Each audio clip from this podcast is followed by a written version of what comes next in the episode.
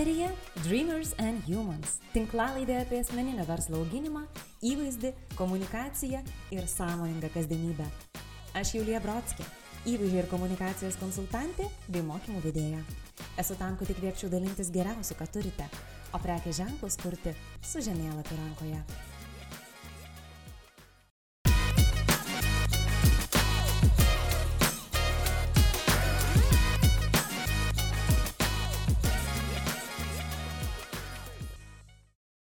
Sveiki! Dėkoju, kad įsijungėte šią tinklalaidę. Jau tikriausiai pastebėjote, kad nauji epizodai pasirodo maždaug kas antrą savaitę. Ir nepaisant to, kad jau įpratote prie interviu formato, šį kartą ją vėl parašiau viena. Užsidegiau pakalbėti aktualią, bet mažai aptartą temą. Kaip savo socialinių tinklų komunikacijoje galime naudoti tokį kanalą kaip Spotify. Prisipažinsiu, pati netaip seniai prisiminiau šitą galimybę, kai bičiulė kreipėsi retoriniu klausimu.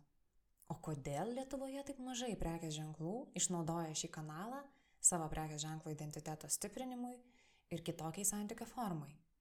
Tikrai, kodėl? Pasikalbėkime, kaip galime tai daryti. Galbūt ir jums gims viena kita mintis, kaip galėtumėte pamaloninti savo sekėjus audio turiniu. Na, visų pirma, tikiu, kad gali kilti mintis. Mano prekės ženklas neturi nieko bendra su muzika, tad kaip tai aktualu man? Muzika ir audio medžiaga gali būti visą jungiantis kultūrinis elementas, aktualus daugeliu verslų, nežiūrint, kokį produktą ar paslaugą verslas teikia. Ir šis elementas gali nekasdieniškai ir originaliai pasitarnauti sėkėjo, kliento gyvenimo būdui, bendrai patirčiai ir svarbiausia, dėl audio turinio prieinamumo gali nuolat būti žmogaus galvoje. Spotify šiuo metu turi daugiau nei 200 milijonų klausytojų. Ir ši platforma iš tikrųjų smarkiai pakeitė muzikos klausimosi įpročius, tapo neatsiejamų kasdienybės atributu. Daugelis mūsų klausomės muzikos ar tinklalaidžių darydami kitas veiklas - dirbdami, keliaudami, sportuodami, gamindami maistą.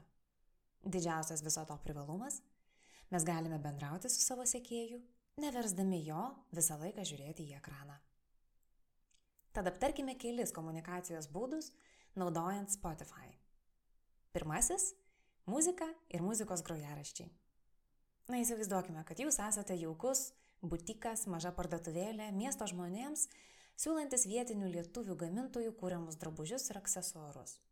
Gaminiai yra unikalūs ir dvelkiantys regionų kultūra bei tradicijomis, tačiau tuo pačiu modernūs ir aktualūs didmešio stiliavimams – Savo parduotuvėje galėtumėte rinktis groti lietuvių atlikėjų kūrinius, kuriuose folkloras, sutartinės arba miško upelių ošimas draugauja su technoritmais. Tokiu būdu kurtumėte kultūrų sintezę, autentiškas nuotaikas ir tarsi pratestumėte savo parduotuvės idėją. Arba, tarkime, jūsų parduotuvė prekiauja ekstremalaus vandens sporto įrangą. Tikėtina, kad rinksitės bangomušos garsus arba aktyvų energingą takelį. Tokį, kokio tikrai klausosi šios sporto šakos propaguotojas. Dėmesio, net jei neturite fizinės parduotuvės, savo klientams, santyki su jais kurti galite ir virtualiais grojaraščiais. Pasidairiau užsienio pavyzdžių ir atradau, kad pavyzdžiui prekės ženklas KFC turi grojaraštį, kuriame surinko visus tos kūrinius, mininčius šį prekės ženklą savo dainų tekstuose. Grojaraščius turi ir žurnalai, pavyzdžiui, Serial, mados namai, viešbučiai, su malonumu kūrintys savo mėnesinius ar sezoninius grojaraščius, tarsi norėdami pratesti atostogas, įkvėpti atitinkamam gyvenimo būdui arba kurti muzikinį foną skaitinių skaitančiajam. Šio būdu naudojasi ir kvepalų bei kosmetikos gamintojai, kelionių agentūros, vestuvių planuotojai. Lietuvoje taip pat aptikau garso takelius, viniojant tinklaraštininkę pusryčiams, o taip pat Kitchen Julie, blogerę Mahilą Tačiau tikiu, kad jų yra gerokai daugiau. Nuo šiol ir aš papildysiu šį būrį ir sekėjus apdovanosiu keliais, na tikrai labai skirtingais grojaraščiais. Aktyviam laikui, romantiškai nuotaikai, vasaros nostalgijai. Na, galiausiai padarysiu ir savo mėgiamų tinklalaidžių grojaraštį. Tikrai, tikrai pažadu, kad tai įvyks. Beje, parašiau net tokį grojaraštį, kurio klausytis gali būti truputį gėda. Na, jų visų ieškokite šio epizodo aprašuose. Kuriant savo grojarašius, visų pirma, itin svarbu prisiminti prekės ženklo identitetą ir jo balso toną. Akivaizdu, kad jis turi sutapti su pasirinktais muzikiniais žanrais ir nuotaikomis. Taip pat prisiminkime ir savo klientą. Mūsų pasirinkimai turėtų rezonuoti su auditorijos kultūra, demografija, amžiumi, nuotaikomis, problemomis. Su kokiais atlikėjais ar žinutėmis dainose mes norėtume, kad mūsų prekės ženklas būtų asocijuojamas. O galbūt kaip tik šiuo metu versle vyksta reklaminė kampanija, užsiveria sezonas arba startuoja naujas produktas. Kaip tokią žinutę apie šios įvykius galėtų papildyti muzika? Kokias emocijas norėtumėm sukurti žmonėms tą progą? Kaip norime, kad jie jaustųsi? Dar įdomiau, čia atsiveria erdvė ne tik grojaraščių iš jų sukurtų kūrinių sudarimo – bet ir naujų gimimui. Galbūt verta susitarti dėl kolaboracijos su vertybiškai idėją atitinkančių atlikėjų ir paprašyti jo tokį grojaraštį sudaryti. Arba netgi sukurti kelis kūrinius specialiai mūsų prekės ženklui arba naujam produktui. Taigi apibendrinkime, grojaraščiai gali būti kuriami fizinėms vietoms, parduotuvėms, grožio salonams, viešbučiams, kavinėms ir taip toliau. Taip pat sezonams - vasara žiema, pavasaris ruduo, Ypatingai tuo naudojasi mados, stiliaus, dizaino sferos atstovai. O taip pat ir skirtingoms progoms. Pavyzdžiui, kaip tai daro Coca-Cola, kurdama playlistus kelionėms, šokiams, studijavimui, vasaros festivaliams arba tavo pirmąjį gyvenimo darbovietėj. Grojaraštis tikrai galėtų būti sukurtas ir konkrečiam produktui. Neseniai, pavyzdžiui, prekės ženklas Routine sukūrė naują dezodoranto kvapą ir vieno atlikėjo paprašė jį įskambinti. Nuostabu tiesa. Ir paskutinis variantas - įtraukime darbuotojus. Pavyzdžiui, sporto klubų treneriai galėtų būti skatinami kurti savo grojaraščius. Ta jau padarė amerikietiškasis Gymshark. Na, o dabar klaidos. Tikrai labai labai svarbu atskirti asmeninės preferencijas nuo prekės ženklo įvaizdžio. Juk būtų keista, jeigu Coca-Cola grotų techno, o Harley Davidson desertinį džiazą. Tiesa? Prisiminkime, kad grojaraštį turėtų sudaryti, na, mažiausiai 10 dainų, stenkime jas atnaujinti periodiškai. Dainos turėtų būti įvairios, o atlikėjai nesikartoti. Grojarašiais reikėtų rūpintis, atsibodusias dainas ištrinti, papildyti naujomis, o galbūt ir pridėti naujų grojaraščių. Smagu, jeigu pavyksta atrasti grojaraščių pavadinimų sistemą. Galbūt rasite būdą juos vadinti skirtingai, tačiau išlaikant savitumą, vientisumą ir savą stilių. O taip pat pasirūpinkime ir originaliais grojaraščių vizualais, nuotraukomis. O dabar pereikime prie antro audio bendravimo būdo - tinklalaidžių. Štai jūs klausotės tinklalaidės, kuri man yra puikus būdas ne tik edukuoti, kurti vertę, įkvėpti, bet ir suteikti galimybę pažinti mane. Mano balsą, energiją, kalbėjimo toną, vertybės ir stilių. Tinklalaidės nepraščiau nei video padeda tarsi pratesti save pačią už mano virtuvės ofiso ribų. Jūsų prekės ženklas taip pat gali turėti savo tinklalaidą, podcastą. O pokalbėms ar podcast'o formatams ribų tikrai nėra.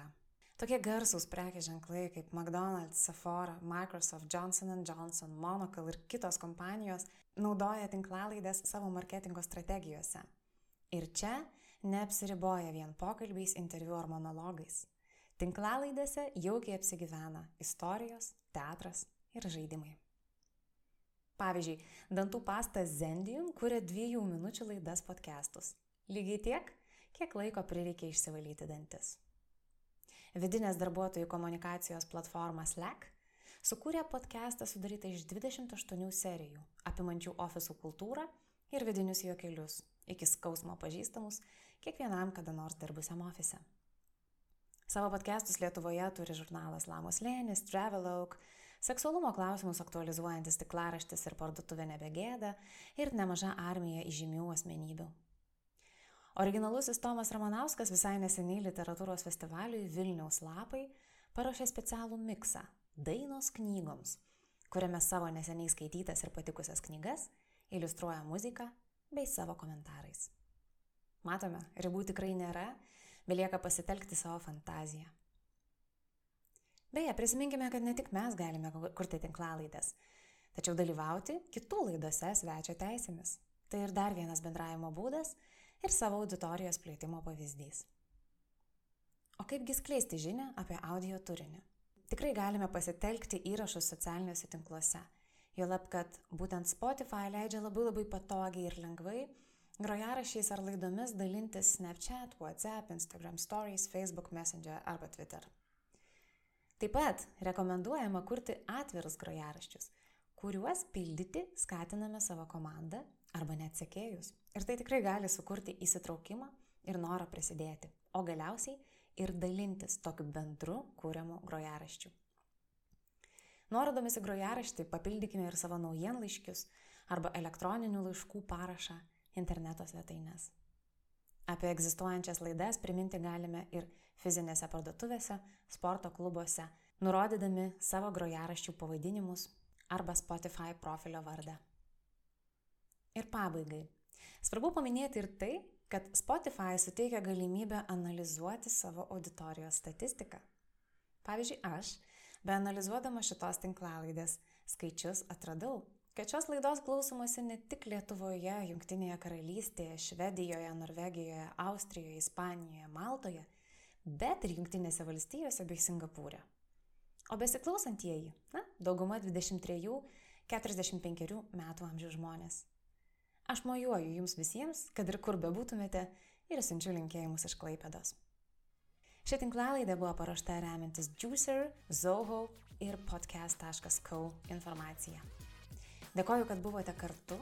Linkiu klausytis kokybiškų, įtraukiančių, netikėtų laidų ir grojaraščių, o galbūt ir pabandyti sukurti vieną kitą. Kitame epizode mes kalbėsime apie komunikaciją socialinėme tinkle LinkedIn. Būkite pasiruošę dar profesionalesniam požiūriui į savęs pozicionavimą. Linkiu būti svajotojais, kurie veikia.